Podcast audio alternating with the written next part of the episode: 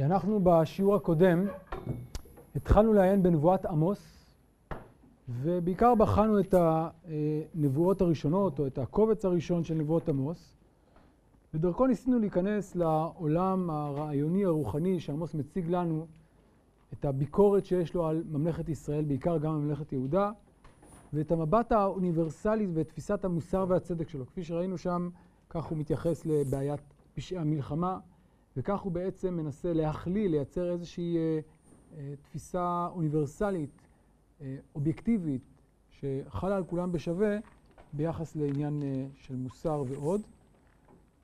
והרחבנו בדברים הללו בהרחבה, דיברנו על המאפיין הנבואי הזה, שרואים אותו גם אצל נביאים אחרים. היום אני רוצה להתמקד בנקודה מרכזית נוספת, שנייה, בתורתו של עמוס. אה, הייתי אומר, נקודה שהוא מבקר אותה באופן חריף, וגם הנקודה הזאת אפשר לראות אותה בכמה וכמה נבואות של עמוס, מפוזרות על פני כל הספר.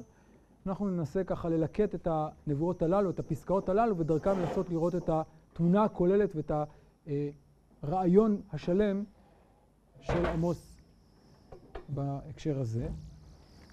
והנושא שאליו עמוס מתייחס, באופן מפתיע אולי, הוא הרעיון שלנו עכשיו אולי אחד הרעיונות היסודיים והמרכזיים ביותר בתודעה היהודית, במסורת היהודית, וזה רעיון בחירת ישראל.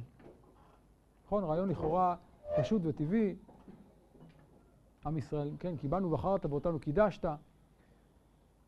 כן, יש, לכאורה אפשר לחשוב אולי על איזה שהם אה, גישות מודרניות או הוגים מודרניים שככה מתנגדים, או אולי לא כל כך מקבלים את רעיון הבחירה, אבל לכאורה זה אחד הרעיונות הכי הכי יסודיים והכי קדומים והכי תשתיתיים בתנ"ך, במסורת היהודית, בהגות היהודית ועוד.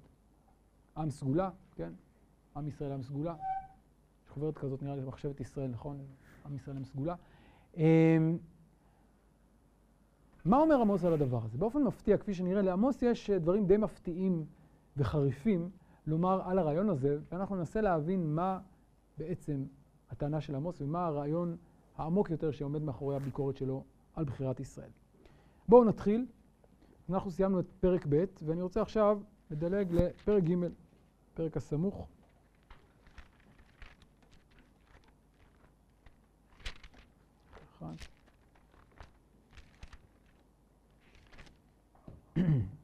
שמעו את הדבר הזה אשר דיבר אדוני עליכם בני ישראל, על כל המשפחה אשר העליתי מארץ מצרים לאמור. רק אתכם ידעתי מכל משפחות האדמה, על כן אפקוד עליכם את כל עוונותיכם. נקודה. כן, הפסוק הבא פותח נבואה אחרת שנדבר עליה בשיעור הבא. עד כאן הנבואה. עכשיו, שימו לב קודם כל, לפני שניכנס לתוכן, שימו לב למבנה הרטורי של הנבואה. איך היא בנויה? מה הסגנון שלה? היא פותחת במילים, שימו את הדבר הזה, כן, מה תשמעו? רק אתכם ידעתי מכל משפחות האדמה. אם נעצור רגע כאן, איך הוא מתייחס לרעיון הבחירה לכאורה? אבל זאת אומרת, זה, זה, נכון או לא נכון? רק אתכם ידעתי מכל האדמה, כן? עם ישראל, עם סגולה, רק אתכם ידעתי מכל העמים. כי בנו בחרת ואותנו קידשת. אפשר לומר שהשומעים אולי, ששומעים את המשפט הזה, איך הם מגיבים? מבסוטים, כן, בנו בחרת. ואז מגיע הפאנץ', ומהו הפאנץ'? על כן אפקוד עליכם את כל עוונותיכם. וואו. שוב, זה אותו מבנה שראינו קודם, כן? על שלושה ועל ארבעה, פשעי בואב, פשעי אדום וכולי, ואז פתאום אומר להם על שלושה וארבעה פשעי ישראל ויהודה.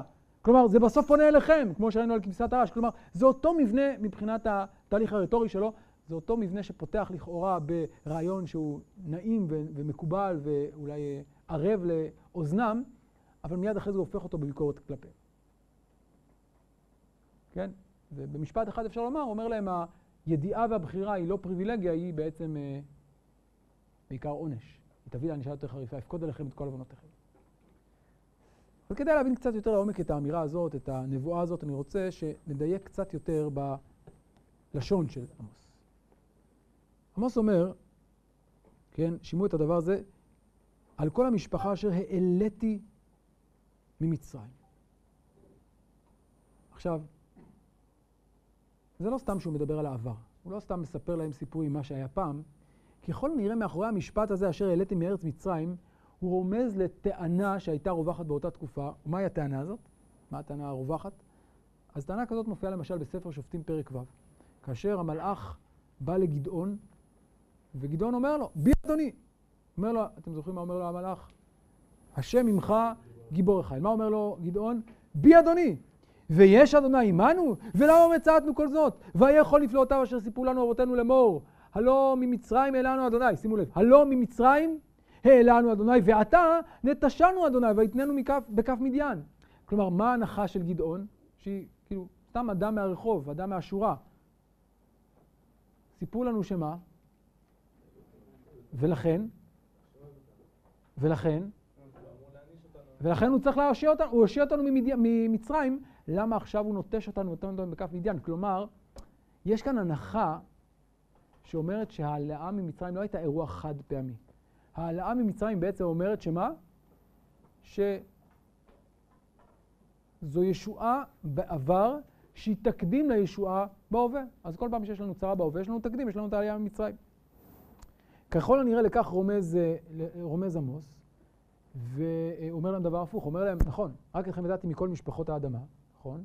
המשפחה אשר העליתי לארץ מצרים, אבל זה לא אומר שאתם תזכו לישועה, אלא להפך, זה אומר שיש עליכם ביקורת או, או דקדוק הרבה יותר גדול במעשיכם, על כן אפקוד עליכם את כל עוונותיכם. אבל שוב, גם כאן, אז בעצם הוא יוצא כנגד התפיסה המקובלת, אבל כדי להבין יותר לעומק את הטענה שלו, אני רוצה שננסה להבין מה הוא בדיוק אומר. האם הוא דוחה את הרעיון הזה של עם סגולה של בחירת ישראל או משהו אחר? מה הוא בדיוק עושה כאן? אז כדי להבין בדיוק מה אומר כאן עמוס, אני רוצה שנשים לב לתוכן של הדברים שלו ולרמזים שיש בהם. אמרנו שהוא מתייחס לעלייה מארץ מצרים, כן? זו uh, תקופה היסטורית אחת, אבל יש עוד תקופה שהוא רומז אליה בדברים. מישהו אולי יכול לזהות לאיזה תקופה היסטורית הוא רומז בדבריו כאן? כן.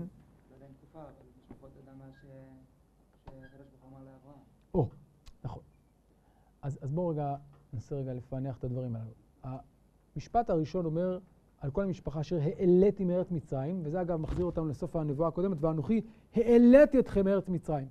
עכשיו, מה זה אנוכי העליתי אתכם מארץ מצרים? אפשר לראות את זה כאמירה שיש לי יחס אישי כלפיכם.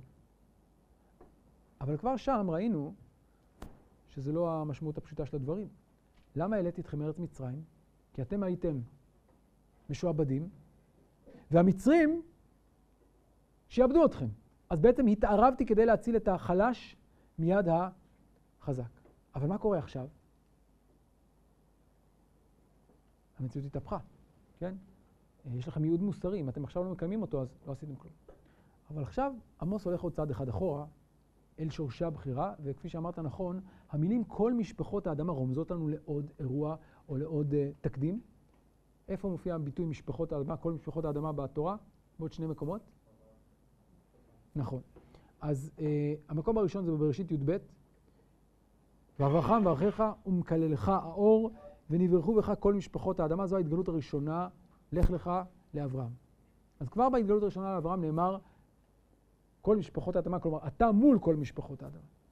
המקום השני, בהתגלות ליעקב, בהתגלות הראשונה ליעקב. כך נאמר שם, בפרק כ"ח, פסוק י"ד, והיה זרעך כעפר הארץ, ופרצת ימה וקדמה וצפונה ונגבה, ונברחו בך כל משפחות האדמה ובזרעך. במילים אחרות, הביטוי הזה, כל משפחות האדמה, הוא לא סתם ביטוי. הוא ביטוי שמחזיר אותנו לשתי ההתגלויות הראשונות לשני האבות, לאברהם וליעקב, ובעצם הוא רומז למה? לבחירתם של אברהם ויעקב. אבל לא זו בלבד. הביטוי הזה, שימו לב, יש לו הקשר. הוא לא סתם אומר, בחרתי אתכם מכל משפחות האדמה, מה הוא אומר? ונברחו בך. כלומר, מה בעצם רומז כאן עמוס בשימוש בביטוי הזה? בדיוק. הבחירה היא לא בחירה של פריבילגיה, היא בחירה לאומית שיש לה ייעוד אוניברסלי. אתם צריכים להיות בזיקה למשפחות עמים ונברחו בכם.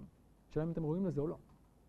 אז כבר כאן אפשר לראות שהבחירה מקבלת איזשהו שינוי, איזה הקשר אחר, לא רק בחירה במובן של פריבילגיה, אלא בחירה במובן של נברחו בך. זה השימוש במילים כל משפחות האדמה.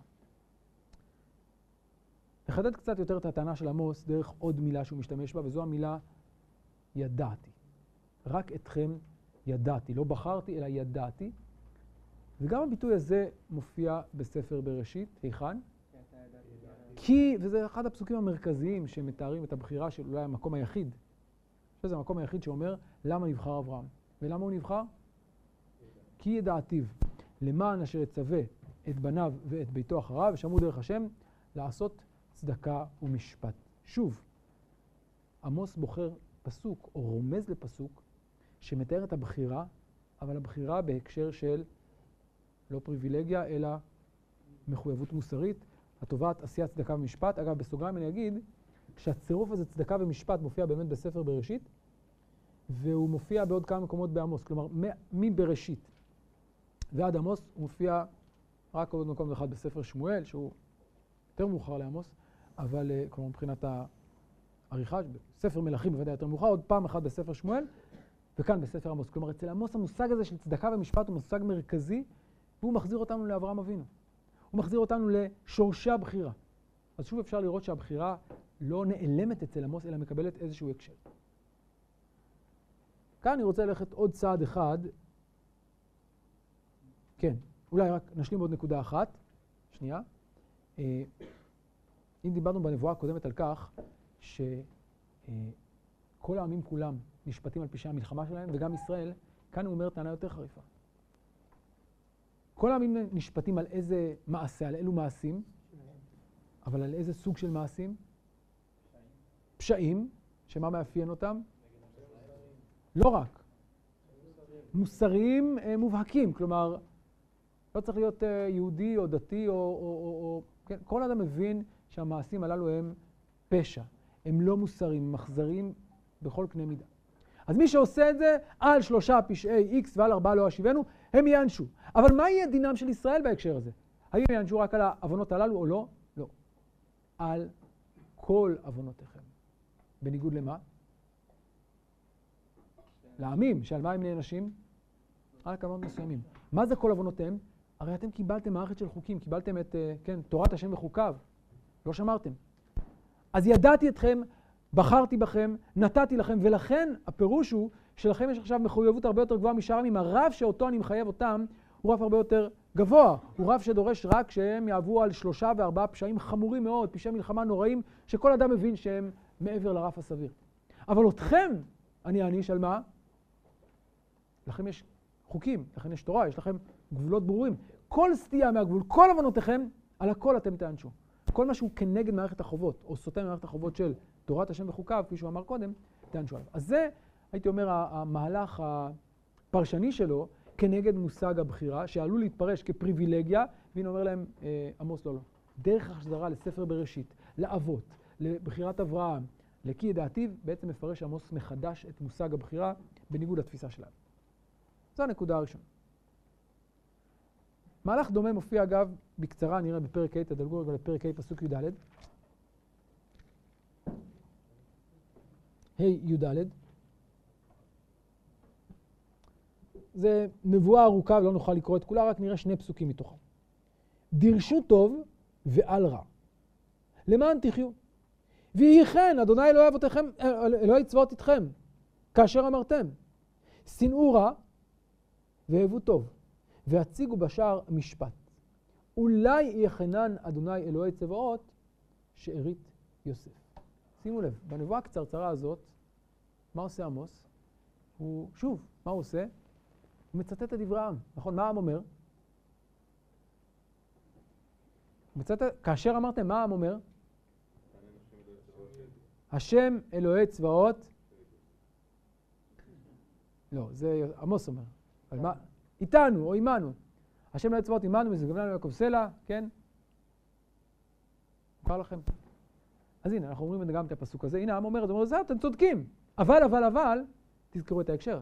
השם לא צבאות איתכם כאשר אמרתם, אבל, מה ההבדל בין מה שאומר העם למה שאומר עמוס? כשהעם אומר השם אלוהי צבאות עמנו, מה הוא אומר? תמיד. תמיד. באופן בלתי מותנה. הוא איתנו, כמו כאמור בתהילים. עמוס מצטט, ומה הוא מוסיף לציטוט הזה? תנאי חשוב מאוד. א', דירשות אבל רע.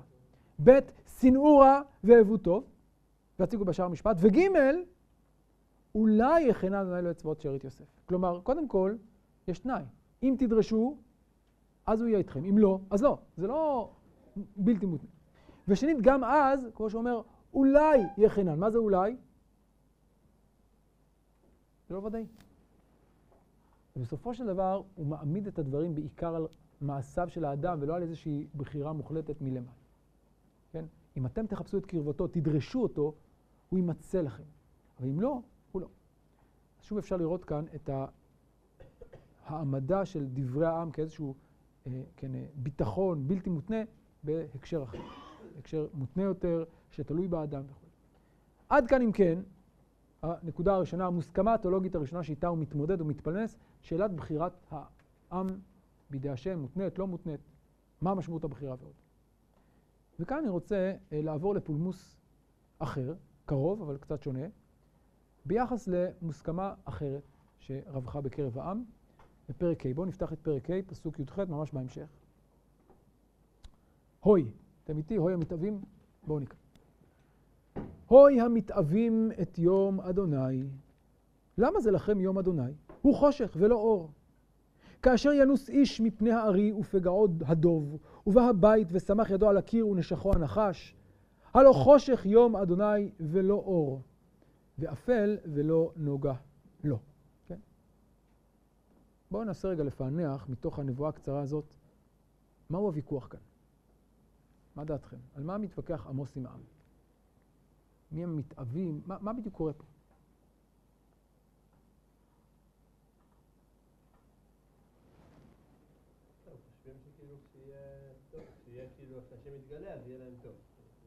כלומר, מתי הוא יתגלה? יש כאן מונח שמופיע, נכון? ויכוח בעצם על איזה מונח? יום השם. מה זה יום השם? אגב, זה מונח שמופיע בהרבה מקומות בנביאים.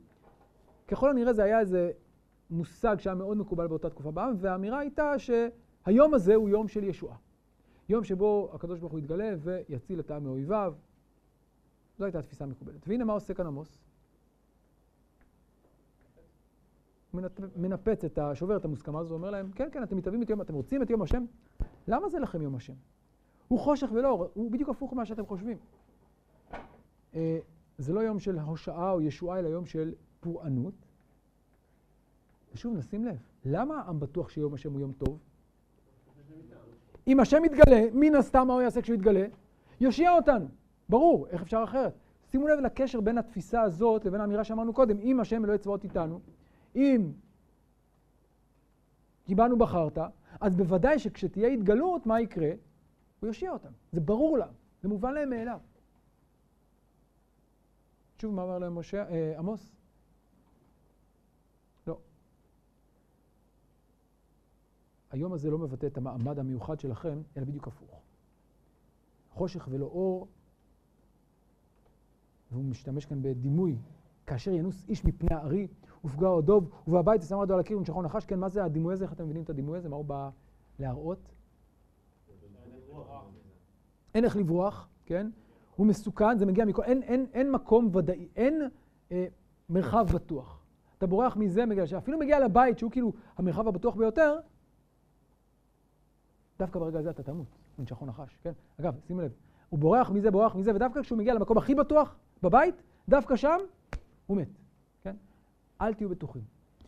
אה, צריך להגיד שיכול להיות שמאחורי הדימוי הזה מסתתר גם הקשר היסטורי. דיברנו בזמנו על כך שהתקופה שבה עמוס מנבא, תקופה של אה, ירבעם בן יואש, היא תקופת זוהר מצד אחד, אחרי תקופות קשות מאוד שהיו להם אה, בדור הקודם, וכאילו הם עכשיו באיזושהי תחושה של אופוריה כזאת. כלומר, סוף סוף הגענו, אפשר לומר, אל ה...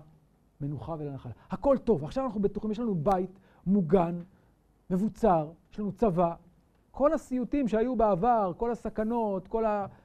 כן, המלחמות, הכל מאחורינו, עכשיו הכל יציב, הכל בטוח. יש איזו תודעת שאננות כזאת. אומר להם עמוס תיזהרו, חשבתם שברחתם? חשבתם שאתם מוגנים? דווקא במקום המוגן ביותר, מה יקרה? יכול להגיע נחש. כן? אל תבנו על זה. אל תהיו שאננים. זאת, זאת האמירה אה, שהוא אומר להם. אה, וכאן אני רוצה, כן, אז תסתכלו על עצמכם, תראו מי אתם באמת, האם אתם רואים או לא. וכאן אני רוצה אה, להעמיק טיפה יותר בדימוי הזה. שימו לב לדימוי, אמרנו, לא סתם אומר להם יום השם הוא יום רע ולא טוב, הוא אומר יום חושך אה, ולא אור. למה הוא משתמש בדימוי הזה של חושך ואור? מה זה מזכיר לנו, הדימוי הזה חושך מול אור? אה, מי שיש רעיון?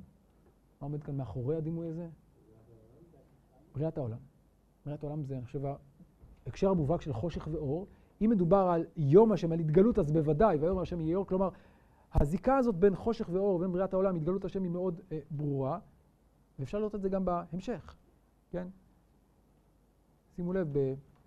או לא בהמשך, סליחה, קודם לכן, בפרק ה', פסוק ז', ההופכים ללענה משפט, וצדקה לארץ הניחו. כן, הוא מבקר אותם על כך שהם הופכים משפט וצדקה, רואים את המונח משפט וצדקה. עושה חימה וכסיל, והופך לבוקר צל מוות, ויום לילה יחשיך, הקורא לימי הים וישפכם על פני הארץ, אדוני שמו. שוב, על מה מדובר כאן? כסיל וחימה, אתם זוכרים אולי איפה הם מופיעים? חוץ מהגמרא, מופיעים גם בגמרא. איפה הם מופיעים עוד? אה, בספר איוב, בהקשר של קביעת גבולות הבריאה.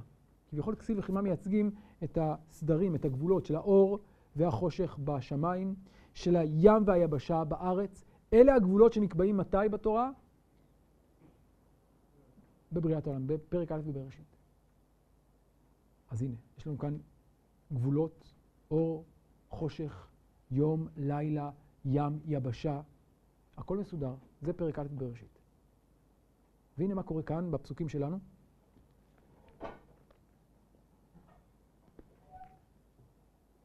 ההופכים, אה, סליחה, והופך לבוקר צל מוות, הקורא למי העם וישפכם על פני הארץ. שימו לב מה קורה פה. מה קורה פה לגבולות? מתהפכים, שימו לב גם ללשון, היפוך. נזכיר לנו כמובן אה, אה, מקום אחר שבו יש היפוך, וזה כמובן סיפור סדום. ומה קרה אצל סדום? מה עושים אנשי סדום? הופכים את הצדקה לצעקה, נכון? ואת המשפט למספח. אין צדקה במשפט. במילים אחרות, מה שאומר להם הנביא הוא את הדבר הבא. וזה, אני חושב, מה שעומד מאחורי הדימוי הזה. סדרי הטבע קשורים לסדרי המוסר. מי שהופך את סדרי המוסר, כמו למשל אנשי דור המבול מצד אחד, או אנשי סדום מצד שני, שהפכו את סדרי המוסר, את סדרי הצדק והמשפט, כן, ההופכים ללענה, משפט וצדקה על הארץ הניחו, אלו אנשי סדום ועמורה, אלו אנשי המבול, הביאו בסופו של דבר להיפוך מסוג אחר, היפוך של סדרי הטבע. הפכתי בחלק במהפכת אלוהים את סדום ואת עמורה, וכפי שראינו קודם, גם אה, אה, אצל המבול. אז אם כך, כשהוא אומר להם, כן, חושך ולא אור, חושך ויום ולילה, הוא בעצם אומר להם, שאלת האופי של ההתגלות, של יום השם, של אה, כן, ההיפוך של אור וחושך, זה תלוי בדבר אחד. במה זה תלוי בסופו של דבר? מה תהיה ההתגלות? האם היא תהיה התגלות של אור, של בריאה, או התגלות של היפוך, של חושך? במה זה תלוי? בהיפוך שלכם. האם אתם הופכים צדקה במשפט או לא. זה לא דבר מוחלט, זה לא דבר אה, אה, מובן מאליו שיום השם הוא אור. טוב, אז עד כאן, כאמור, הביקורת השנייה, הביקורת על יום השם, על מושג יום השם, על הבנה של יום השם, וכאמור היא קשורה לביקורת הראשונה על בחירת ישראל. וכאן אני רוצה להתקדם לנבואה הבאה, שכבר יותר מתקדמת לכיוון המוסרי. בואו נקרא את פרק ו', פסוק א', הזכרנו אותו בזמנו. הוי השאננים בציון, והבוטחים בהר שומרון, נקובי ראשית הגויים, ובאו להם בית ישראל. עברו חלנה וראו, הולכו משם חמת רבה, הורדו גת פלישתים. הטובים מן הממלכות האלה, אם רב גבולם מגבולכם, המנדים ליום רע, ותגישון שבט חמס. השוכבים על מיטות שן ושרוכים על ארסותם, ואוכלים כרים מצאן ועגלים מתוך מרבק. הפורטים על פי הנבל כדוד חשבו להם כלי שיר, השותים במזרקי יין וראשית שמנים נמשכו, ולא נחלו על שבר יוסף, לכן עתה יגלו בראש גולים ושר מרזח סרוכים. טוב, זאת נבואה מאוד מאוד uh, לעגנית, ביקורתית. את מי הוא מתאר כאן? אפשר לראות מתוך הפסוקים. על מי הוא מדבר? מה? העשירים. העשירים בשומרון, שמה הם עושים? בואו נראה גם איך הם מאופיינים כאן העשירים האלה. שאננים, מה פירוש שאננים? בטוחים במצבם, במעמדם. אז זה דבר אחד. נהנתנים, איפה הם נהנתנים? פסוק ג' ד', אה, פסוק, איזה? כולם, אבל בואו נראה ספציפית. מיטות שן, אגב, מיטות שן זה באמת היה נחשב סמל סטטוס של העשירים, אגב, הם נמצאו באמת שן בשומרון. סרוכים על ארסותם, זה כמובן בביטוי של אה, זלזול, מה הם עושים כל היום? מרוחים על המיטה, ומה הם עושים? אוכלים ושותים את הדברים הכי הכי, כן, שמנים, קרים ועגלים, ומה הם עושים? שותים במזרקי כמויות עצומות של יין. ראשית שמנים ימשכו. במילים אחרות, אנשים שכל העיסוק שלהם, כל חייהם הם סביב ההנאות, הנהנתנות, האכילה, השתייה, יין, שכרות, מיטה, עושר. תיאור מאוד מאוד מרוכז של העושר, כפי שראינו בשיעור הקודם, בתקופתו של עמוס באמת זו הייתה בעיה, כלומר היה פער מאוד גדול בין העשירים ובין העניים, והנה זה בא לידי ביטוי כאן, אבל זה לא רק שהם עשירים, נהנתנים, שיכורים, יש כאן עוד משהו, מה עוד אומר להם? אז עוד מעט נראה את זה, נכון, אבל... אה, אה, כן, אה, ותקי... טוב, עוד מעט נראה את הנקודה הזאת. עכשיו, כלומר, הם לא רק נהנתנים, עוד מעט נראה, יש להם גם יחס מסוים לאנשים שסביבם, נראה את זה עוד מעט. אבל כדי להעמיק יותר את הטיעון הזה, אני רוצה שנשים לב למילת מפתח שחוזרת שלוש פעמים בנבואה הזאת. מישהו אולי זיהה כאן נבואה, אה, מילה שחוזרת בנבואה, מילת מפתח? ראש, מצוין. איפה מופיעה המילה ראש? בואו נכתוב את זה רגע. המקום הראשון זה נקובי, נקובי ראשית גויים. מקום שני, ראשית שמנים ימשכו. ו? יגלו עתה בראש גולים. בהתחלה, באמצע ובסוף, ראשית, ראשית, ראש. ואני חושב שדרך המילים האלה אולי ננסה לפענח את uh, הטענה המרכזית בנבואה הזאת. הוי השאננים בציון והבוטחים בהר שומרון. למה הם שאננים ובוטחים? נקובי ראשית הגויים. מה פירוש נקובי ראשית הגויים? נקובי, הכוונה יש להם כינוי. מהו הכינוי שלהם? איך הם רואים את עצמם? ראשית הגויים. מה פירוש ראשית הגויים? ראש הגויים, כלומר הנבחרים, כמו, אה, כן, אה, קודש ישראל השם, ראשית תבואתו, הראשית, הנבחר. אנחנו ראשית הגויים, אנחנו העם העליון על כל הגויים. מה אומר להם על המשפט הזה? היוו חלנה, וראו, הולכו משם חמת רבה, הורדו גת פלישתים. מה אומר להם? בואו תעשו איזה סיור בארצות שסביבכם, מה תראו שם? אתם יותר טובים מהם? לא. וכשם שהם ספגו מפלות צבאיות, גם אתם תספגו. אל תחשבו שאתם טובים יותר, אל תחשבו שאתם ראשית גויים. עכשיו, יותר מזה, מה עומד מאחורי הטענה הזאת שאנחנו ראשית גויים, ומה מולידה הטענה הזאת? המנדים ליום רע. כשמדברים על יום רע, על סכנה, מה הם אומרים? הם מנדים. מה פירוש מנדים? מדחיקים, מרחיקים, לא יקרה, איזה שטויות, לא יקרה שום דבר. זה מצד אחד. אה, ויותר מזה, השוכבים על מיטות שן ושוחים על ארצותם, כל התיאור הזה של הנהנתנות גם כן קשור לרעיון הזה. איך אנחנו יודעים שהוא קשור? ראשית שמנים ימשכו, כן? כלומר, הם כמובן מתוארים באופן נלעג כאנשים שמתעסקים כל הזמן במותרות, אבל למה יש כאן שימוש במילה ראשית שמנים? מה הקשר בין כאן, בין הראשית פה לראשית פה? איך הם מפרשים? מה? אם אנחנו ראשית גויים, אז מה מגיע לנו? ראשית שמנים. מה פירוש ראשית שמנים?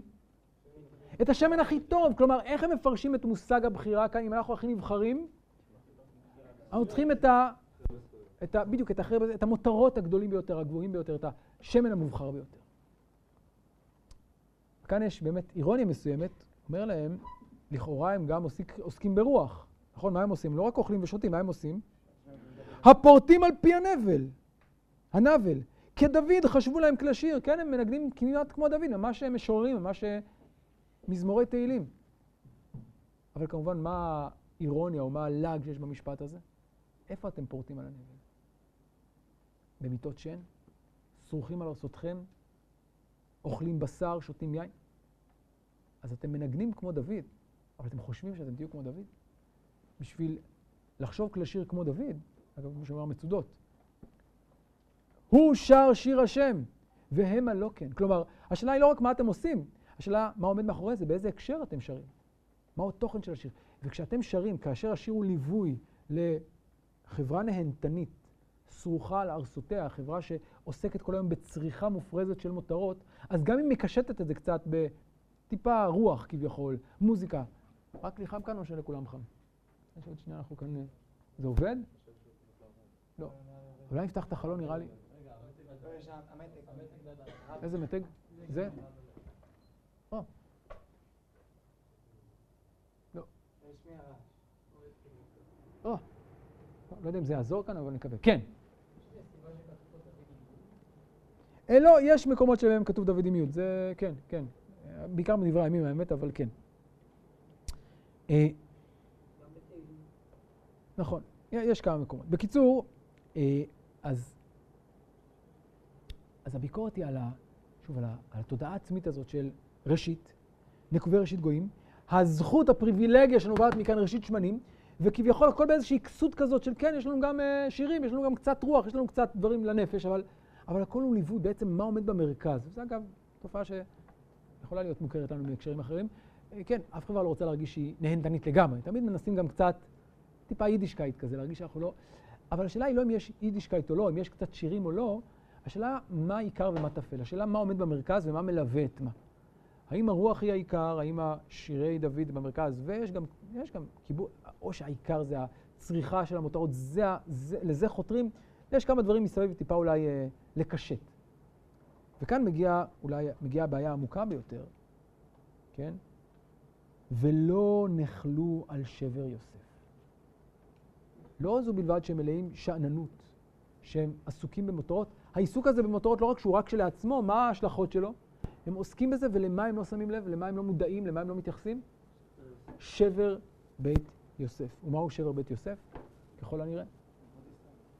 הבעיות החברתיות. אתם חיים באיזה בועה כזאת של עושר, במיטות שן, צרוכים, יש לכם ליד עניים מרודים, וראינו את זה קודם בפרק השני, בפרק, ה... כן, בפרק ב', אבל זה לא מעניין אתכם, אתם עסוקים כל כך בבועה הזאת, במותרות האלה, אתם לא פוקחים את העיניים לראות, לא נחלו על שבר בית יוסף. אז השאננות והביטחון וכן, אטימת העיניים היא עומדת במרכז הביקורת הזאת, ואז מגיעה הפסקה החותמת.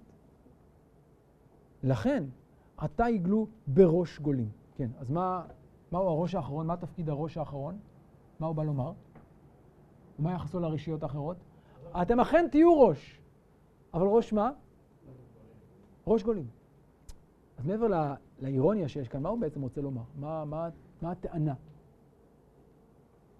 אתם נבחרתם, אתם צודקים שאתם לא עם רגיל. אבל באיזה מובן?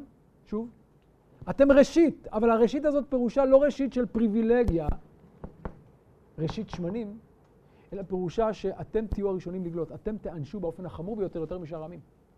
אז שוב, באמצעות המילה ראשית, אפשר לומר, באמצעות המובנים השונים של המילה ראשית, הוא גם, עמוס גם מטיח בהם ביקורות חריפות על המציאות החברתית הלא מוסרית שבה הם חיים, אבל גם מפרש להם מחדש את מושג הבחירה כמושג שעיקרו, כן, אחריות גבוהה ולא נהנתנות מופרזת. כן.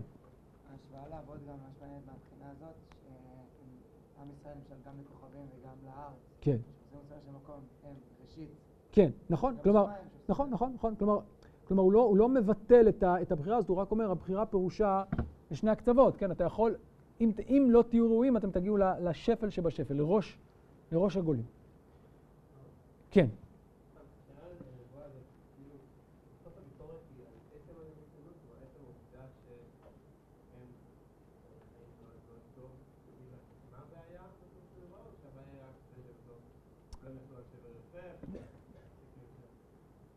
אני חושב שזה משולב, כלומר, כלומר, אה, אה, זה בא ביחד. כלומר, אם אתה עוסק רק ב...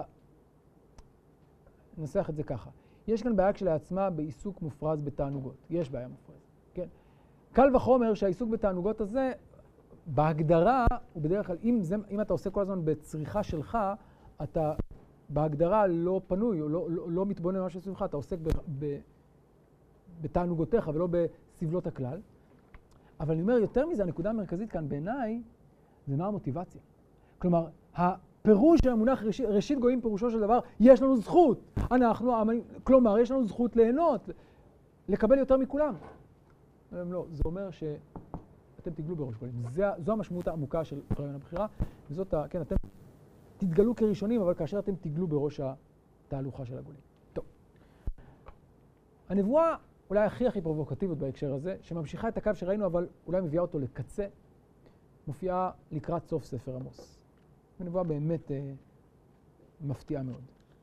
בואו נפתח את פרק ט', פסוק ז', נבואה קצרצרה, אבל מאוד חריפה.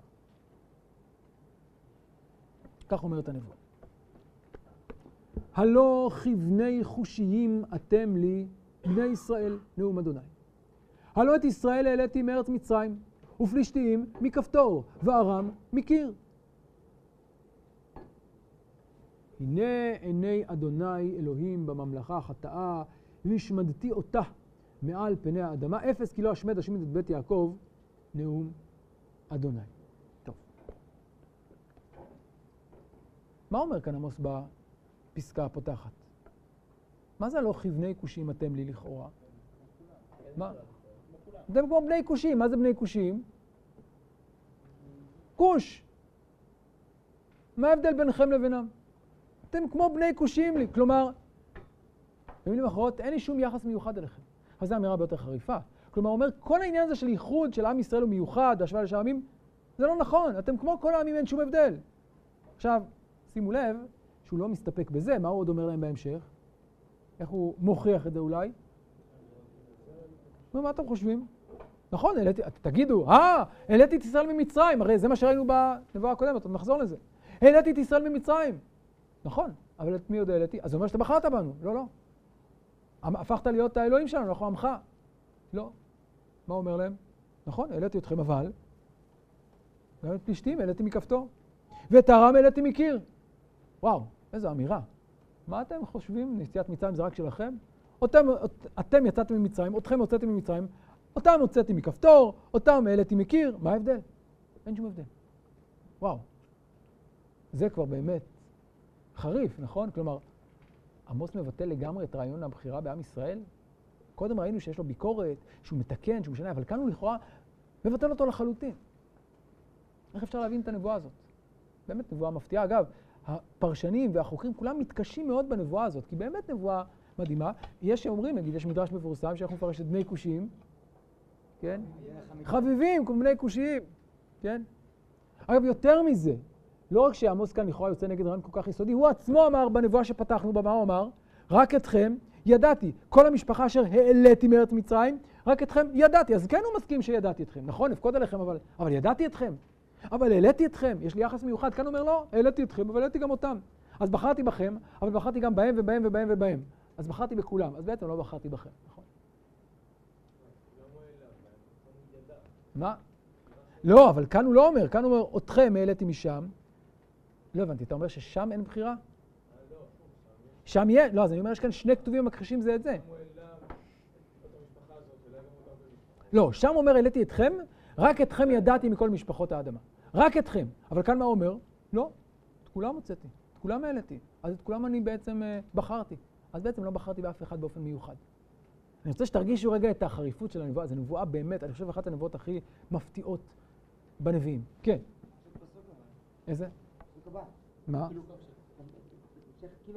איזה, הנה עיני השם בממלכה חטאה? אפס כי לא אשמיד אשמיד את יעקב. אה, בסדר, לא אשמיד, אבל זה... כל השאר שהם עושים צרות והם בעייתיים, הם מושמדים. אתם, אין סיכוי שאני אשמיד אתכם, אני אקח איתכם ברית, זה נגמר. אתם יכולים להיות בעייתיים? אין, לא יחדל בית יעקב, לא הגיוני. משנה בין יעקב. איפה אתה רואה את זה? אה, לא בית יעקב. כן, כן, כן, אוקיי, זה היה מעניין. אז שוב, אני אומר, זו נבואה שבאמת אה, העלתה הרבה פירושים והרבה קשיים, הרבה התקשו בה. אה, אבל מה היא בעצם אומרת? בואו ננסה רגע להבין אותה טיפה יותר לעומק. מה הוא רוצה להגיד להם כבני חושים אתם לי? אני חושב שהוא לא רק, הוא לא דוחה את סיפור יציאת מצרים, שוב, אלא הוא דוחה את הפרשנות שהעם נותן לו. כלומר, אתכם העליתי מארץ מצרים, זה נכון. אבל כמו שאני אבא שלכם, אני גם אבא שלהם. מה זה אומר? אתם לא יכולים לחשוב, כלומר, אתם יכולים לחשוב, אבל זה לא נכון, לחשוב שאתם היחידים שאלוהים מתייחס אליהם בעולם. עם השם, ולכן מה, מה קורה עם שאר העמים? לא מעניין, לא חשוב, לא רלוונטי. לא. אתכם העליתי, אבל העליתי עוד עמים. כלומר, יציאת מצרים, גם אם היא, יש בה אולי משהו מיוחד, היא לא ייחודית במובן הזה שהיא מבטאת יחס של אלוהים לישראל בלבד. לא. בהיסטוריה האנושית הקדוש ברוך הוא התערב בהרבה הקשרים, בהרבה עמים, הוא הציל הרבה עמים מיד עושקיהם.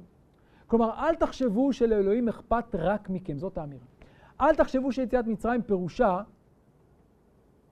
שאלוהים לא מתעניין בשאר עמים, שהוא לא, לא אכפת לו, אכפת לו רק מכם. לא.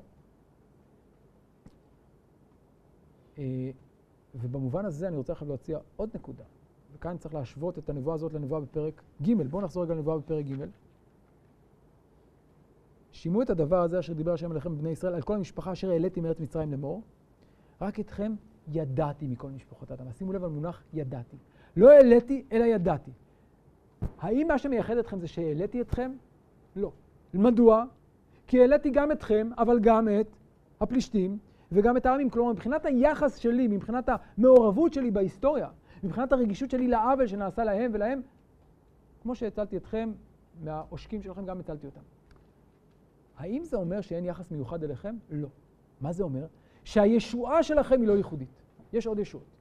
אז איפה כאן הייחוד שלכם? רק אצלכם, מה היה מיוחד בעלייה שלכם ממצרים? שהייתה יציאה לשם ברית, לשם קבלת תורה, לשם ייעוד, לשם מחויבות. זאת האמירה. ואם כן, התפיסה הזאת שאומרת, יציאת מצרים מבטיחה, כמו שאומר גדעון, אם הוא הוציא אותם ממצרים פעם אחת, זה אומר שהוא צריך להושיע אותנו כל פעם. לא, זאת לא האמירה. הושעתי אתכם והושעתי גם אותם, אין כאן הבדל ביניכם לבינם. אלוהים מתערב בכל מקום של חוסר צדק, אלוהים מתעניין בעמים אחרים כמו שהוא מתעניין בכם. המודל הזה של יציאת מצרים הוא לא ייחודי לכם. מה שייחודי הוא האחריות שנקבעה אצלכם בעקבות יציאת... וזה דבר שתלוי אך ורק במי? בכם. וזה העול שמוטל עליכם. זו הברית, ולכן אי שמירת הברית, כאמור, תגרור מחיר. הנה הש... עיני השם אלוהים בממלכה החטאה, והשמעתי אותה. למה? כי אתם קיבלתם אחריות, מה שאין כאן עמים אחרים. אז אל תחשבו שאתם בעבר אחד וכל העמים בעבר אחר. אגב, שימו לב לדבר מעניין, איזה עמים נזכרים כאן? הפלישתים והארמים, איפה פגשנו אותם? בס... לא, לא, בספר עמוס. אה, זה נכון, לא, אבל אני אומר עכשיו בספר עמוס איפה פגשנו אותם. על שלושה פשעי איקס, ארם, פלישתים. במילים אחרות, כמו ששם פתחנו באזכור של הפשעים שלהם אה, אה, ביחס לכל העמים הסובבים, כרמז לזה שזה כל העמים, בעצם על שלושה פשעי איקס, הכוונה לכל העמים. אין פריבילגיות, אין אפליה. כל העמים שעשו פשעים יענשו. אם זה הפלישתים, אם זה העמים, אם זה אתם, ואם זה, כן, גם לגבי הענישה, אבל גם לגבי הישועה. במילים אחרות, בואו נסכם רגע את מה שראינו, ובזה נסיים את השיעור, ובזה אולי גם נחבר את השיעור הזה למה שראינו בשיעור שעבר. בשיעור שעבר דיברנו על הנושא של הכוח. הכוח כתפיסה שאומרת שכן, מי שיש לו כוח יכול לעשות מה שהוא רוצה, כן, זו תפיסת פשעי המלחמה. אם אני מנצח, אני יכול לעשות מה שאני רוצה. אומרת עמוס, לא, לא, יש גבולות, יש, יש פשעים שכל עם, אם הוא עובר אותם, הוא ייענש. יש גבול מוסרי שמושת על כולם. ואם כן, בשני המקרים האלה ראינו שעמוס כאילו סוטה מהתפיסה התיאולוגית שמקובלת בעיני העם, אבל בעצם הוא לא סותר אותה, כפי שראינו, אלא הוא אומר להם, קחו את התפיסה שלכם, אל תבטלו אותה, אבל תלכו איתה עד הסוף, תעמיקו בה, כן? כפי שראינו בשיעור שעבר לגבי מה זה מוסר, אם זה לא מוסרי כלפיהם, זה גם לא מוסרי כלפיכם, זה גם לא מוסרי כלפיהם. אם לא מוסרי לעשות את זה כלפי אדם אחד, לא מוסרי גם כלפי אדם אחר. המוסר הוא אוניברסלי, הוא מוחלט, הוא אובייקטיבי. אתם צריכים להכיל את זה על כולם. אותו דבר הוא עושה גם לגבי רעיון הבחירה. מה אומר להם? זה לא שאין בחירה. יש בחירה, אבל הבחירה היא אוניברסלית. איך אפשר לעשות בחירה אוניברסלית? זה דבר מוזר, נכון? אני יכול להגיד צדק אוניברסלי. איך אפשר להגיד בחירה אוניברסלית? אם בחירה אוניברסלית, היא לא בחירה. באיזה מובן הבחירה כאן היא אוניברסלית? היא, היא אובייקטיבית? במובן הזה, ש... מה? שהיא לא פריבילגיה. היא אוניברסלית במובן הזה שאת כל העמים אני אה, יכול לעלות כשיהיה להם צרה, אני יכול להושיע אותם, אבל רק אתכם ידעתי לכן אפקוד. עכשיו, זו אמירה שהיא רחבה. כלומר, כל, תיאורטית, כל עם שיקבל חוקים, זו פריבילגיה, וזה גם עון, וזה גם אחריות. אתם קיבלתם, אז קיבלתם גם אחריות. כלומר, במילים אחרות, זה לא שקיבלתם זכות יתר, קיבלתם חובה, קיבלתם אחריות, קיבלתם ייעוד מוסרי גבוה, ומשום כך אתם נמדדים גם באופן אחר. במובן הזה אפשר לומר, זה לא בגלל איזה מעמד מיוחד שיש לכם, או כן, מעל כולם, יש לכם יחס מועדף, אתם הבן האהוב, לא. כושיים, ואת הפלישתיים, ואת הארמים, כולם אני מציל ומגן באותו אופן.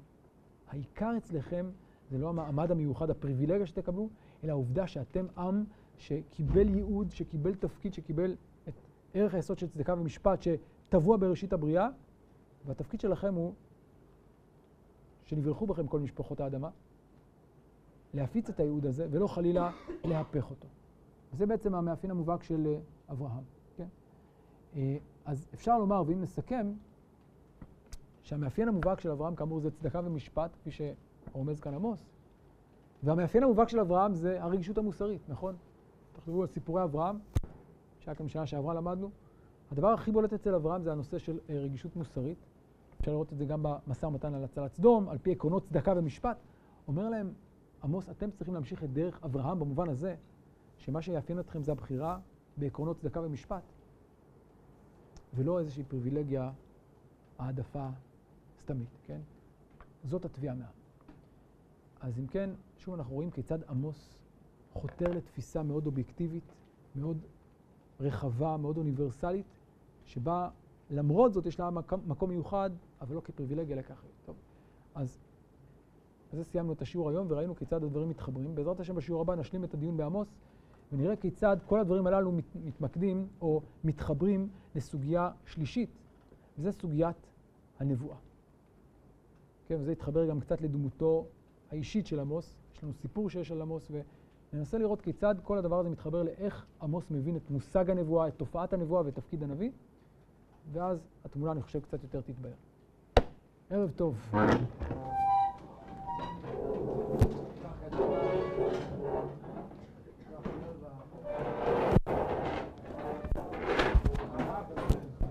כן. לכל עם יש איזושהי איזשהו ייעוד מסוים, יש מה? איזשהו ייעוד מסוים, יש כן. איזושהי אחריות מסוימת, רק לעם ישראל זה אחריות... אה, לא, הוא אומר ככה, הוא אומר לכל עם יש... אה, יש רב מוסרי, צריך לעמוד בו. לא לא. לא מה ששנוא לך אל תעשו לך. אבל לעם ישראל יש פגיעה של בת, פגיעה של בת, פגיעה של בת, פגיעה